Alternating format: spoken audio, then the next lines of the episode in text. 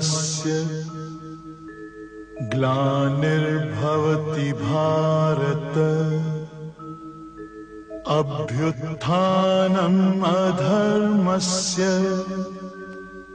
तदात्मानं सृजाम्यहम् परित्राणाय साधूनां विनाशाय च दुष्कृता धर्म संस्थापनार्थाय संभवामि युगे युगे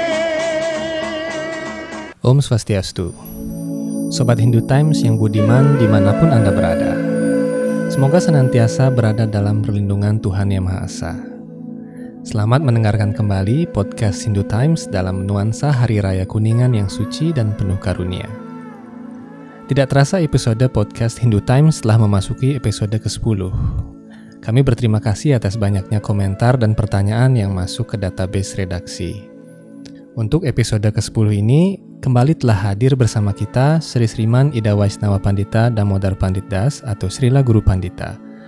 Om Swastiastu Srila Guru Pandita. Om Swastiastu. Selamat datang dan terima kasih Guru Pandita telah berkenan hadir kembali di Studio Hindu Times 108. Kali ini kami memohon bimbingan lagi atas satu pertanyaan terpilih dari netizen. Pertanyaan yang terpilih adalah dari Yogi STRD. Pertanyaannya adalah, apa bedanya surga sama dunia rohani atau tempat Tuhan? Kenapa jika masuk surga lahir kembali? Dan apa yang harus dilakukan agar bisa masuk surga atau dunia rohani? Suksema. Mohon karunia Guru Pandita.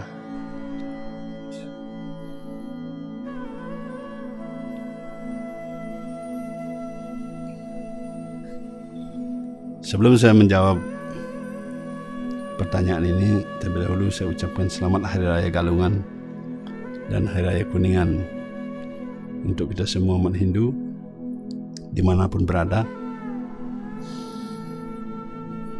Semoga Yang di Tuhan Yang Maha Esa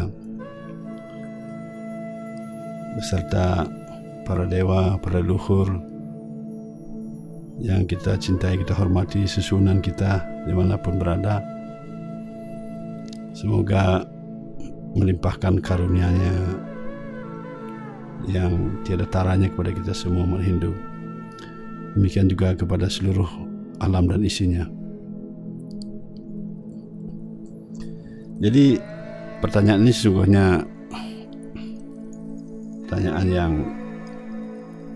cukup cerdas dan baik dijawab. Maksud saya baik disampaikan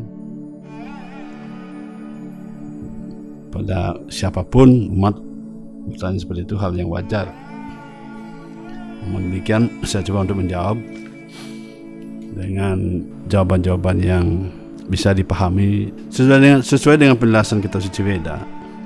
Khususnya saya selalu mengutip dari Bhagavad Gita karena itu memang kitab suci Veda yang paling bisa dipahami dan dan kitab suci yang cocok untuk di zaman ini untuk level kita yang kecerdasannya tidak seperti para penduduk di zaman yang berbeda seperti Satya, Treta, Dwapara juga. Baik, kita mulai bahwa saya menyampaikan apa perbedaan antara surga dan dunia rohani.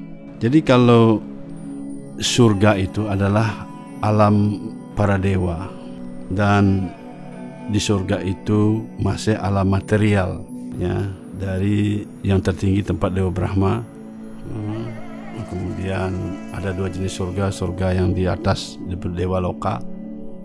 Itu surga loka Dewa Loka tempat para dewa sampai ke tempat Dewa Brahma.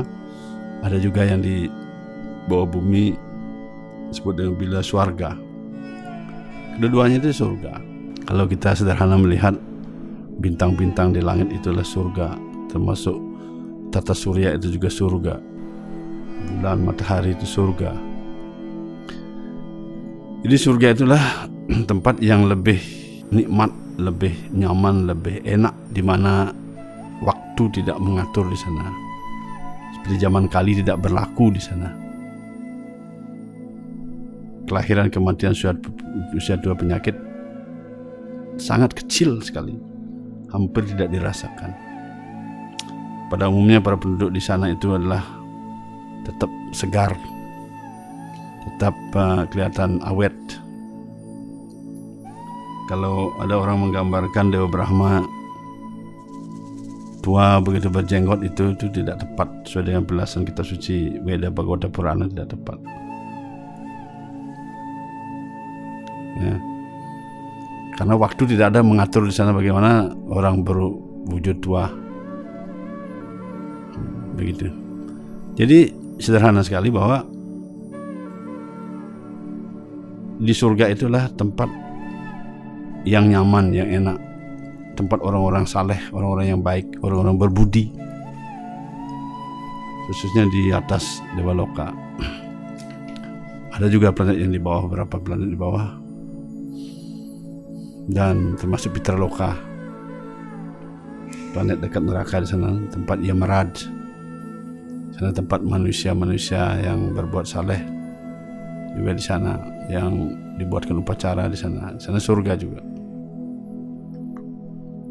Jadi kalau di surga itu seperti itu hanya saja di surga itu tidak kekal. Sementara karena ini masih dunia material. Begitu. Berbeda dengan dunia rohani. Dunia rohani adalah kerajaan Tuhan. Di sana kekal. Begitu. Dunia rohani itu kekal. Dan penuh kebahagiaan sacit ananda di sana penuh pengetahuan kekekalan kebahagiaan. Dan kalau dibandingkan bumi dengan surga di surga seribu kali lipat merasakan kesenangan atau kenikmatan. Sementara di dunia rohani seribu kali lipat lagi. Cuman bedanya di surga adalah kenikmatan yang bersifat badan tetapi dalam kualitas satwam. Sedangkan di dunia rohani adalah kenikmatan bersifat roh atau jiwa. Demikian. Saya bisa mengutip dari ayat-ayat kitab suci Baur kita. Misalnya seperti eh, dikatakan surga itu adalah tempat yang sementara begitu. Kan itu kalau dalam Bodhita bab 8 ayat 16 dikatakan Abrahma buana loka punar awartinorjuna mam upeter tukauntia punar zaman navidyate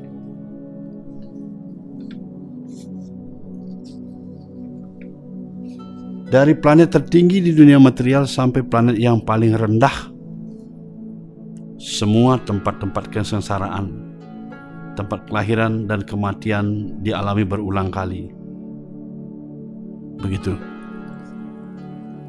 Jadi di surga itu dari tempat Dewa Brahma sampai tempat Peter Loka tadi dikatakan sana sifatnya sementara dari planet dari sini dikatakan bahwa dari planet tertinggi di dunia material sampai planet paling rendah semua tempat-tempat kesengsaraan tempat kelahiran dan kematian dialami berulang kali.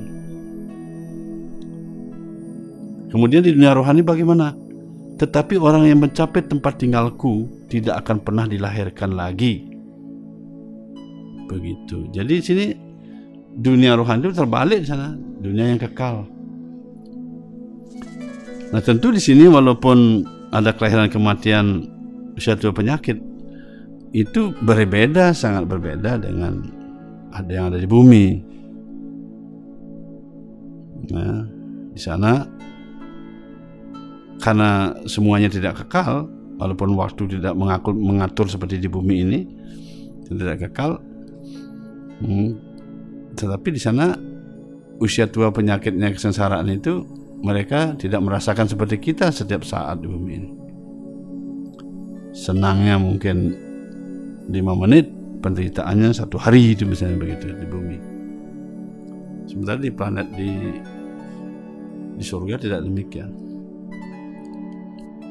Itu itu perbedaannya di, di surga.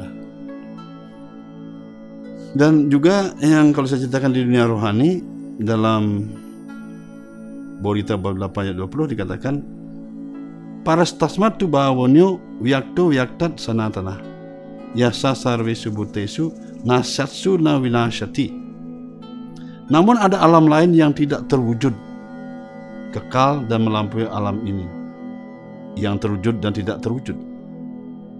Alam itu bersifat utama dan tidak pernah dibinasakan.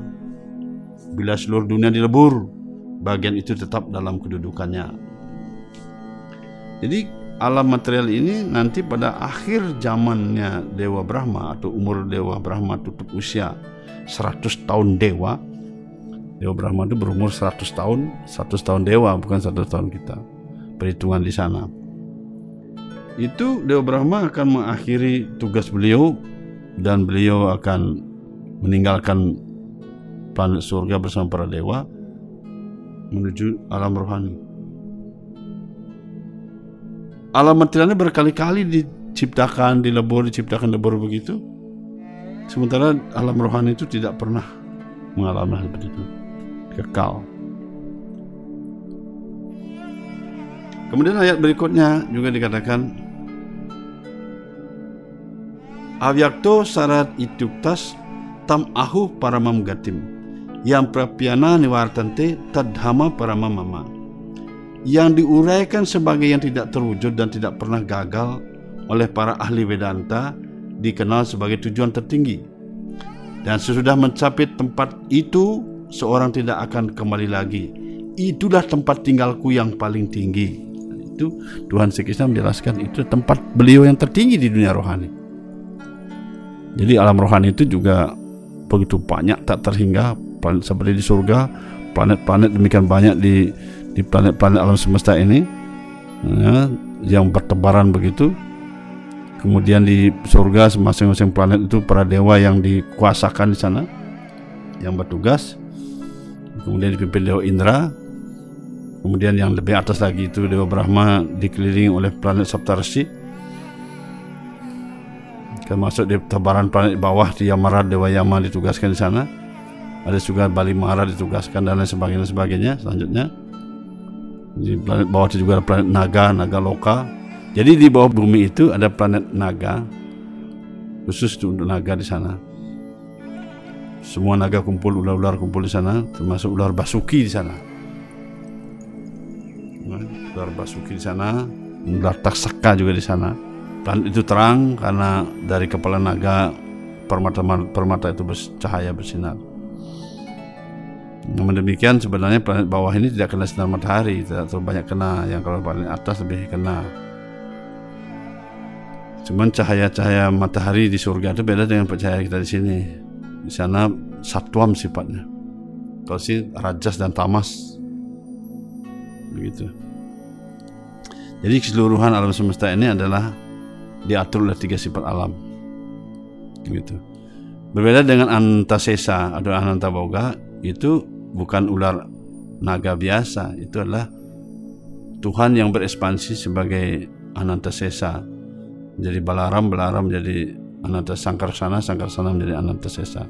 Untuk menyangga alam semesta jauh di bawah lagi. Setelah planet Peter di sana di Garbodaka menyangga seluruh alam semesta.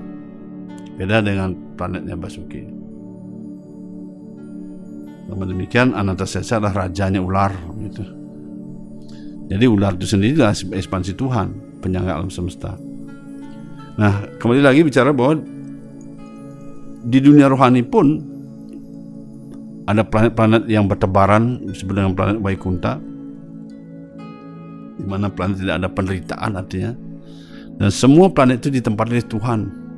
Kerajaan Tuhan kerajaan Tuhan kerajaan Tuhan. Ditempati di sana. Dan di sana Tuhan eh, berekspansi di seluruh planet itu.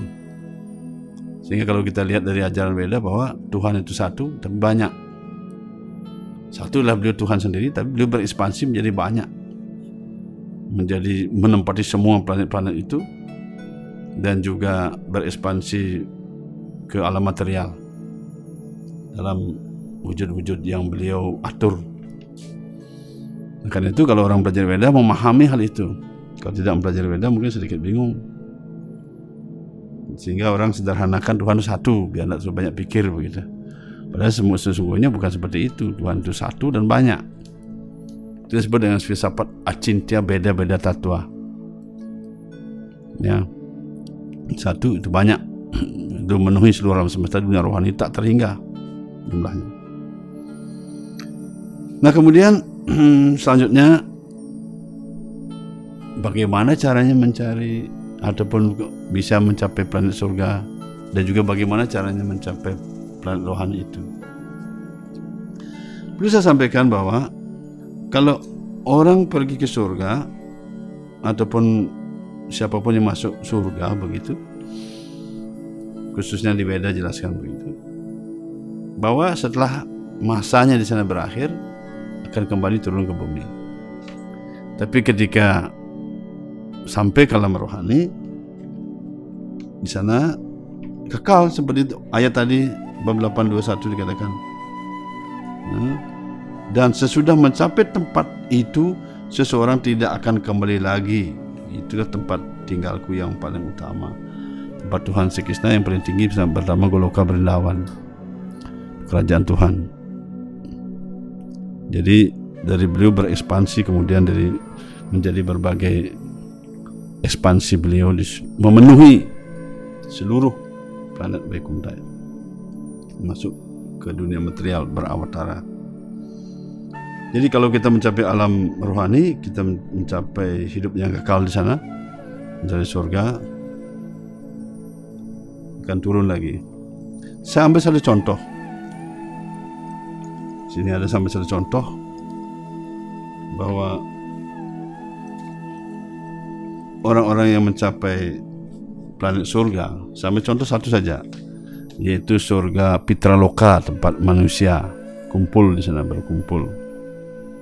Ya khususnya hmm, kalau saya katakan manusia berkumpul, kalau yang di di surga beda lagi yang di atas tempat-tempat dewa loka.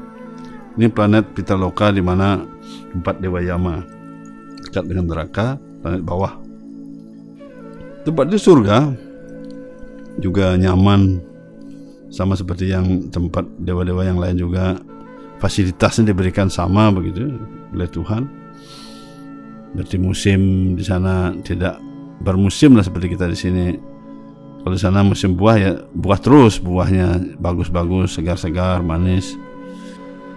Jadi di sana uh, makanan sehat semuanya. Apalagi di planet satu satu planet dikatakan di sana minum obat-obat herbal. Mereka awet. Gitu. umurnya panjang-panjang.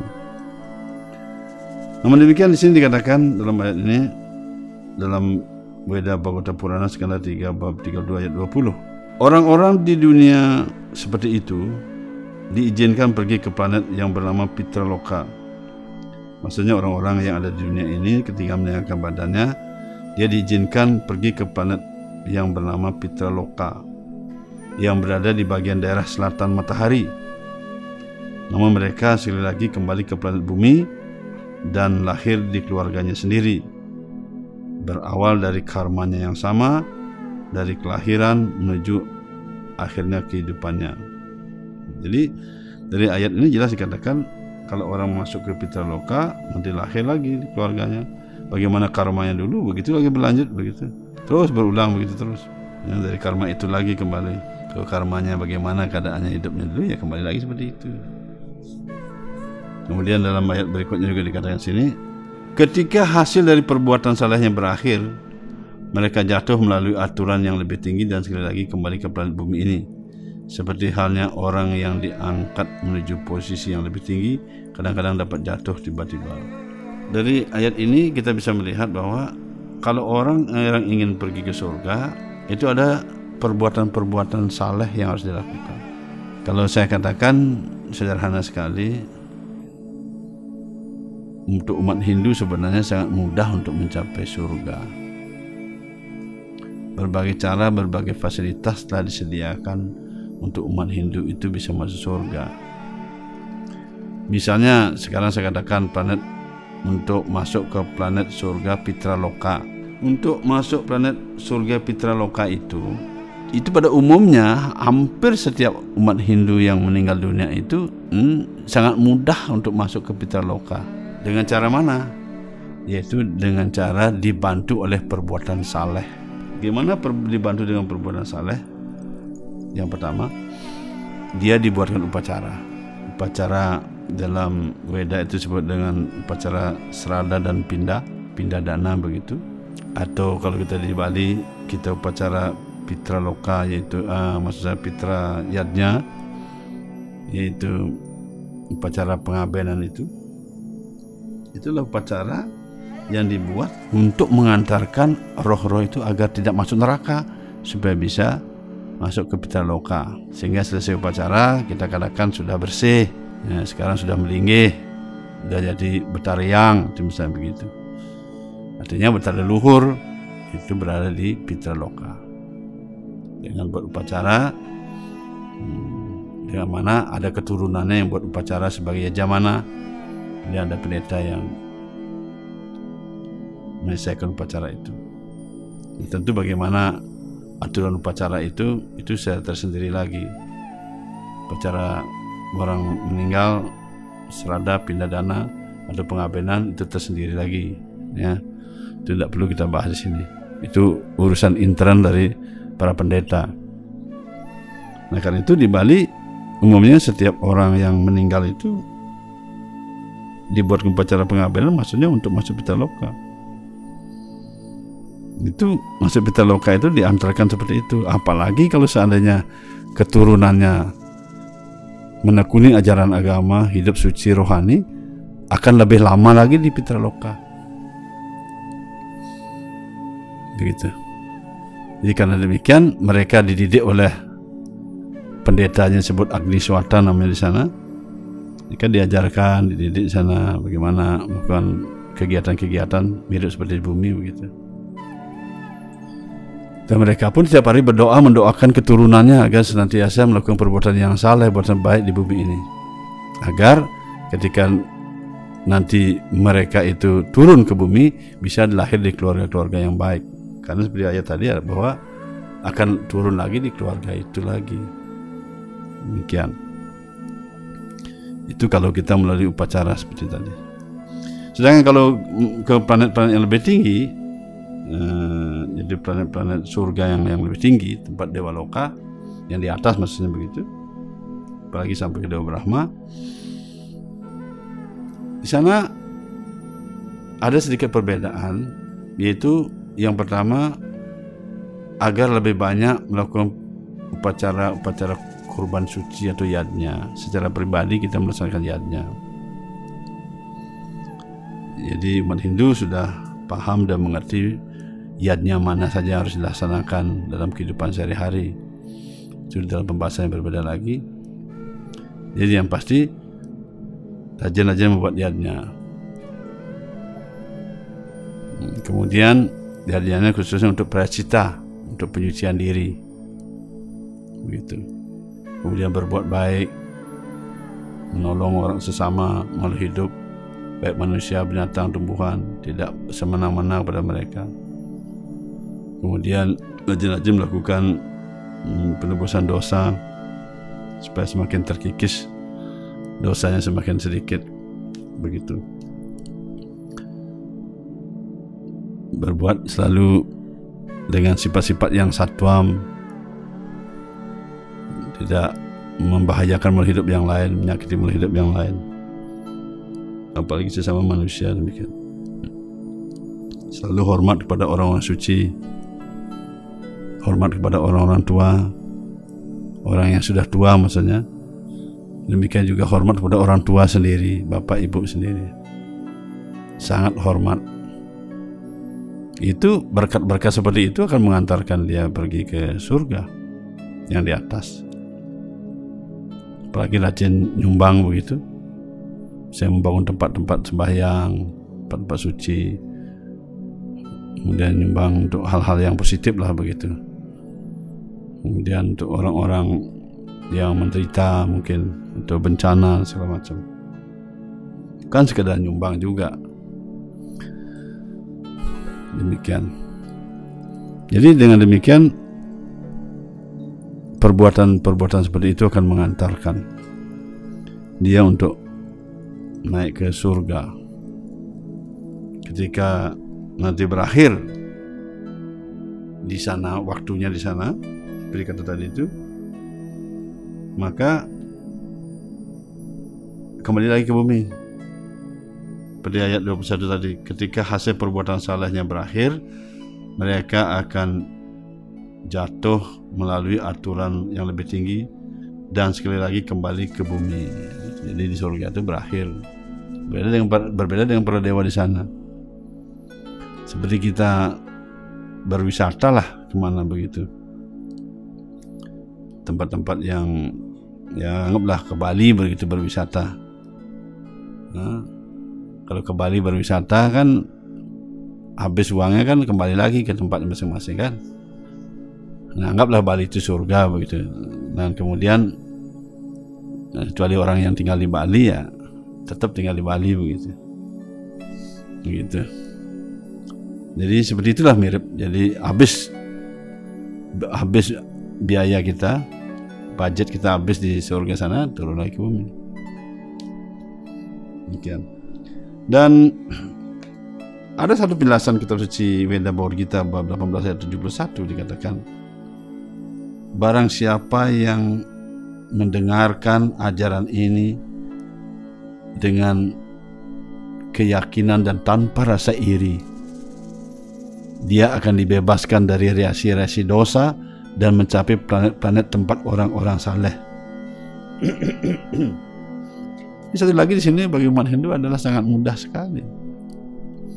Untuk mendapat surga itu bukan suatu hal yang sulit. Sama seperti tadi saya katakan tadi, orang meninggal di bawah upacara, mereka dibebaskan dari badan preta, hantu, kemudian mereka akan mendapat badan di planet surga Pitraloka. Kemudian ketika mau sekarang mungkin kita tidak bisa berbuat salah yang banyak, menyumbang yang banyak dan lain sebagainya. Uang kita tidak cukup untuk berbuat lihatnya. Hanya dengan mendengarkan saja terus wejangan-wejangan kitab suci Weda, Bhagavad Gita khususnya di sini jelaskan maka dia akan disucikan dari dosa-dosanya dan mencapai planet-planet tempat orang saleh. Nah, di sini tempat-tempat orang saleh yang dimaksud di sini bukan bukan surga-surga yang tempat dewa loka yang di atas bumi ini, bukan, malah lebih lagi di atas. Ada di seluruh susunan alam semesta material ini ada satu planet surga yang bernama planet kutub porosnya alam semesta porosnya alam semesta itu. Atau polestar itu dalam kitab suci Weda disebut Derwa Loka tempat Derwa Maharat tinggal di sana menjadi raja. Derwa Maharat adalah adalah keturunan keempat dari Dewa Brahma. Putra Maharaja Utanapada, cucu Swayambhu Begitu Swayambhu adalah putra dari Dewa Brahma. Jadi beliaulah dua yang menjadi raja di sana. Nah, orang yang tekun mendengarkan dari bahwa kita dibebaskan dari dosa, kemudian dia akan mencapai planet tempat orang saleh, di planet kutub itu tinggal di sana. Ketika nanti dilebur semua alam semesta ini, planet kutub sendiri tidak kena peleburan akan naik planet ini ke Waikunta Loka begitu. Jadi para penduduk di sana sudah langsung dilatih di training di sana. Seperti nanti roh-roh yang masuk di sana sudah disucikan di dosa tinggal di training di sana kemudian mereka akan dan naik itu sama dengan perwakilan Waikunta Loka perwakilan dunia rohani yang turun ke bumi menjadi poros alam semesta ini. Jadi seluruh alam semesta ini berputar begitu berotasi. Planet-planet itu berotasi tata suryanya itulah porosnya itu di tengah-tengahnya pusatnya planet Dhruva itu nah itu janji Tuhan bagi umat Hindu kalau mau mendengarkan kitab suci Bawor kita, kitab suci Veda Bawor kita akan sucikan dari dosa dan mencapai planet itu. Jadi itu keberuntungan kita sebagai umat Hindu. Kemudian apa yang harus kita pikir, apa harus kita lagi sanksikan semuanya, tinggal kita menjalani. Andaikan kita tinggal di rumah, kita sudah disediakan makanan yang sudah siap saji, kita sudah disediakan juga makanan perlengkapan perlengkapan makanan di kulkas, di mana pun bertebaran ada, semua perlengkapan rumah sudah ada, tinggal pilih saja. Tempat tidur juga sudah siapkan yang mana maunya, yang ber AC, kipas angin, semua sudah disiapkan, tinggal pilih saja. Kita nggak perlu ribut bertengkar semua itu. Oh saya mau makanan siap saji, saya langsung makan tidur di rumah kamar yang pakai AC, sudah tidur. Kemudian ada nanti yang lain, oh saya yang kipas angin aja cukup, saya masak dulu sebentar. Nah, semua sudah disiapkan seperti itu. Bagi umat Hindu tinggal menjalan. Seperti tadi saya katakan, mau ke Loka sudah ada upacaranya. Mau planet surga sudah ada buat yadnya, tinggal kita perbuatan yang baik. Jangan kita suka mencemooh orang lain, menghina orang lain, menjelek-jelekkan orang lain. Siapa pun dia, apalagi kita tidak ada urusannya. Apalagi orang-orang suci. Ya. Bukan saja orang suci orang Hindu, orang suci mana pun kita. Apa sih susahnya kita untuk tidak menjelekkan? Kalau ataupun orang lain menjelekkan kita, apa susah kita untuk diam? Dengan diam kita tidak akan mungkin berdosa. Tapi orang yang berbicara menjelekkan pasti akan berdosa. Tapi ketika kita akan berbicara balik, ya kita ada bereaksi di sana. Hmm? Ada kemungkinan juga untuk berbuat dosa. Saling saut. Lebih bagus diam. Sambil menekuni ajaran agama dengan baik. Diam sambil memperbaiki diri, diri kita agar menjadi umat Hindu yang lebih bagus. Baik di mata Tuhan, di mata para dewa, di mata para luhur, di mata dunia. Dengan karakter-karakter kita yang baik. Kita bekerja di kantor, baik kantor pemerintahan, kantor swasta, di mana pun satu tiang dharma yaitu kejujuran itu ditegakkan. Selain yang lain seperti saucam kesucian, selain juga yang lain eh, pertapaan dan juga apa namanya itu eh, karuna atau daya kasih sayang. Tapi minimal eh, satiam kejujuran itu ditegakkan sehingga moral ditegakkan bagi kita sebagai umat Hindu akan membawa kita ke planet surga. Mudah sekali. Begitu. Tapi jangan mencari keuntungan di sana. Sekarang saya berbuat dulu sesuka hati saya, nanti saya diupacarai dengan upacara eh, apa namanya triadnya, fitriyatnya, kemudian nanti setelah itu saya akan masuk loka. Jadi bukan dengan cara seperti itu. Tentu kalau pembuat upacara seperti itu tentu akan mengantarkan ke sana ketika upacaranya memadai, pendetanya juga memadai. Namun demikian, tahulah sadari bahwa sesungguhnya kita hidup ini sekarang pergi ke planet-planet surga itu adalah sebuah artinya perjalanan yang panjang lagi yang mestinya kita bisa dalam hidup ini mencapai alam yang kekal. Mencapai moksa tujuan agama Hindu adalah mencapai moksa tapi kita masih singgah dulu sana kemari. Sama seperti halnya kita anggaplah kalau kita menyelesaikan studi kita untuk S2 misalnya misalnya dua tahun begitu kita masih santai sana kemari ya akhirnya udah empat tahun lima tahun baru selesai begitu demikian juga studi kita lahir di bumi ini adalah studi untuk menyelesaikan sepanjang hidup ini kita bisa mencapai alam rohani. Ketika itu cita-cita dan targetnya, walaupun belum mencapai itu, pasti mencapai planet-planet yang sangat tinggi seperti tadi dua lokal dikatakan. Itu sudah keberhasilan yang luar biasa. Karena itu di sini ada satu perbedaan. Orang yang tekun pelajari agama dan menyerahkan diri, dia akan mendapatkan jalan yang berbeda. Nah kemudian tadi saya jelaskan sudah tentang surga, apalagi orang-orang yang tadi tekun bersembahyang apa semua begitu planet surga juga akan dicapai tentu orang-orang tekun bersembahyang pasti dia akan uh, berbuat yang baik juga kan. Berpikir berkata berbuat yang baik suci benar hidup suci hidup benar. Dan tidak sirik iri sama orang lain. Lihat orang lain misalnya berbeda dengan kita ataupun sedikit salah menurut kita kemudian kita cemoh kita salahkan kita bilang sesat dia seperti itu. Itu tidak seperti itu kalau kita menekuni ajaran agama. Justru semakin belajar agama akan semakin melihat sebuah kebenaran. Setiap melihat kehadiran Tuhan dalam setiap jiwa setiap makhluk hidup jadi kalau di Bhagavata Purana dikatakan ketika kita menekuni ajaran ini untuk mencapai hidup yang kekal, jalanlah lurus ke depan dan jangan menghina siapa pun yang lain ataupun mengolok-olok yang lain demikian. Jadi dengan demikian itu akan menghabiskan waktu kita dan kita pun akan berisiko demikian. Jadi kalau saya kembali lagi saya sampaikan tadi untuk sekarang bagaimana cara mencari alam rohani.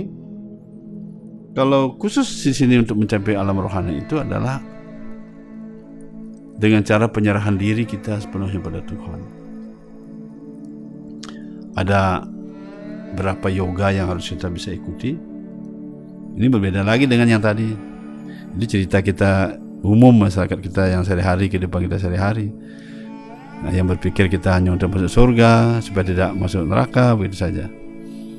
Tapi kalau sekarang bercerita tentang bagaimana mencari alam yang kekal tadi yang tidak lahir lagi di bumi ini, hidup yang kekal kembali ke dalam posisi roh. Jadi kalau kita masuk alam rohani itu kita sudah terlepas semua badan kasar badan halus ini. Itu sudah roh saja. Jadi ke alam sacit ananda. Di sana seperti Tuhan lah bersifat roh, roh yang tertinggi beliau sebut paramatma dan kita roh juga akan kembali kepada beliau. Karena itu di sana adalah dunia rohani. Dunia roh. Jadi bukan dunia materi. Dunia badan di, di, di, di surga ini atau bumi apalagi dunia badan. Jadi ke mana pun di planet itu kita pergi kita akan mendapat badan. Jadi rohnya itu masuk ke badan itu lagi. Misalnya masuk surga tertentu masuk badan seperti itu sesuai dengan di sana keadaannya.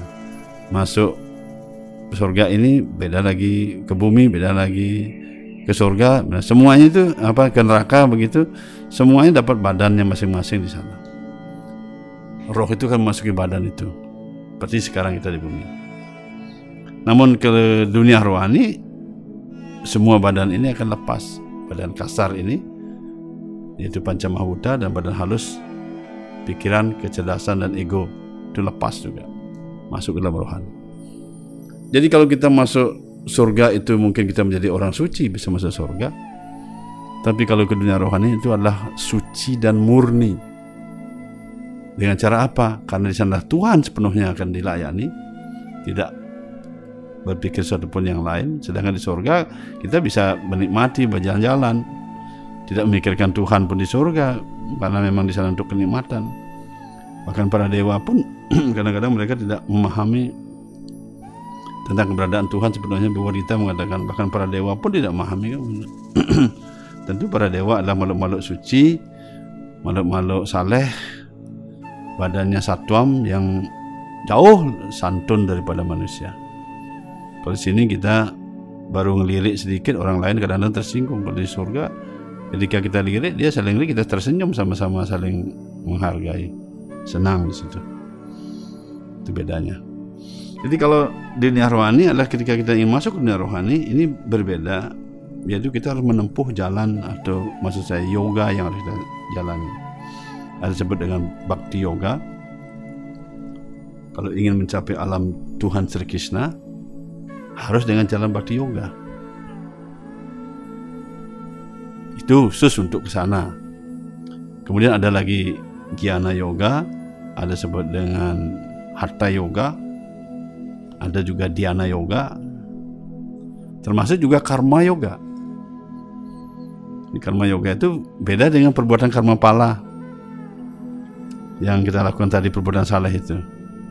Kalau Karma Yoga ini, ini artinya perbuatan yang dilakukan hmm, untuk memuaskan Tuhan. Jadi semua perbuatannya itu untuk diabdikan kepada Tuhan. Dia bekerja untuk kepuasan Tuhan. Jadi dia tidak mengharapkan pemberi apa pun. Itu juga untuk mencapai alam rohani. Jadi semua yoga-yoga ini Yoga itu artinya memusatkan pikiran pada Tuhan. Nanti memusuatkan tujuan kita pada Tuhan.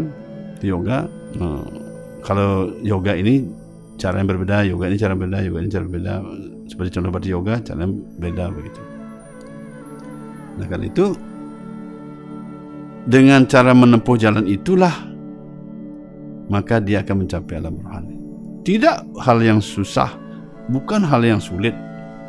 Kalau kita bayangkan semuanya susah, sulit.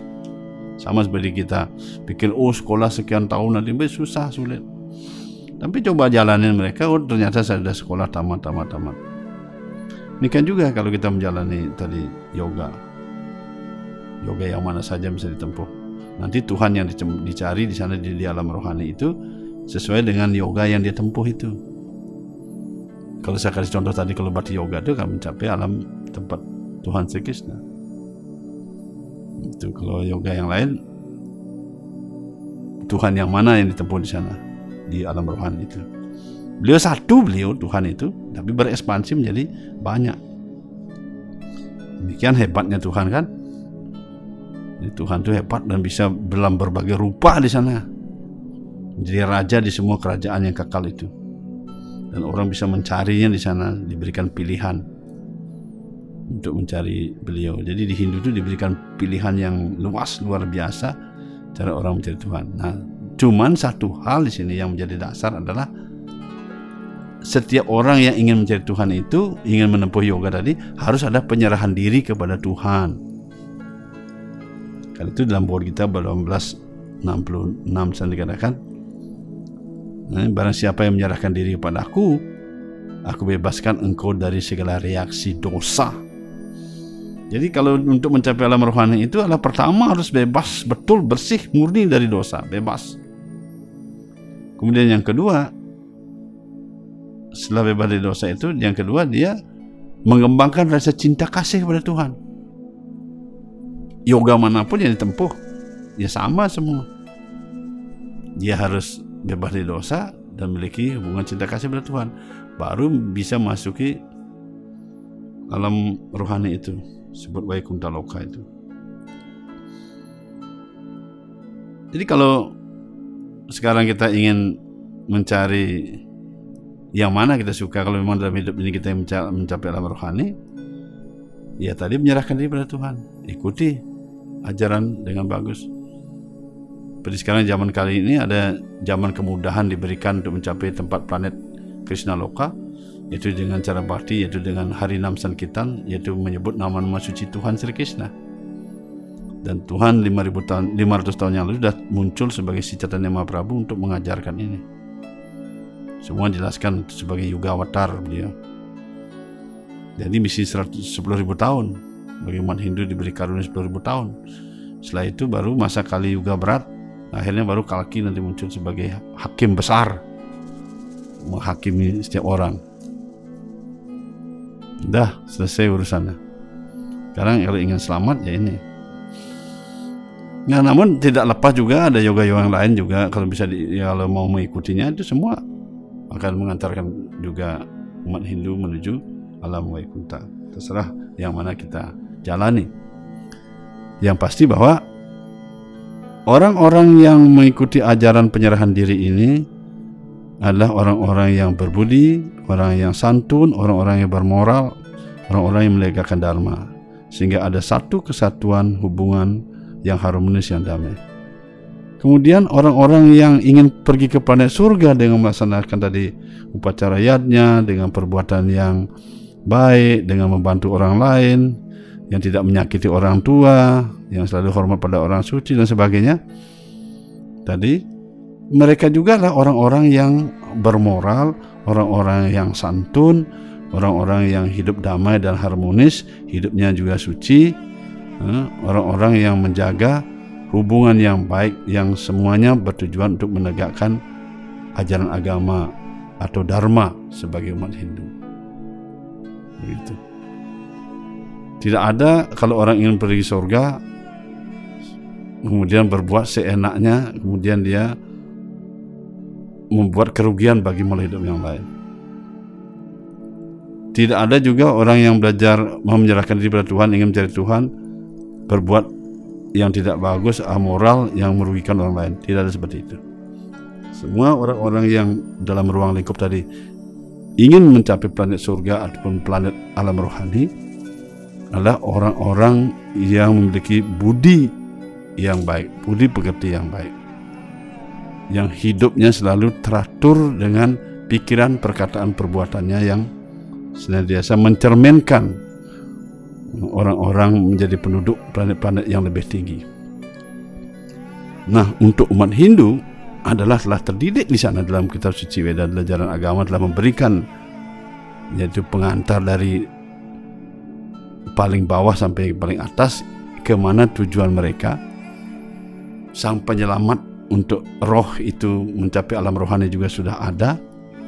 Kalau ingin pergi ke sorga juga sudah ada semuanya sudah disiapkan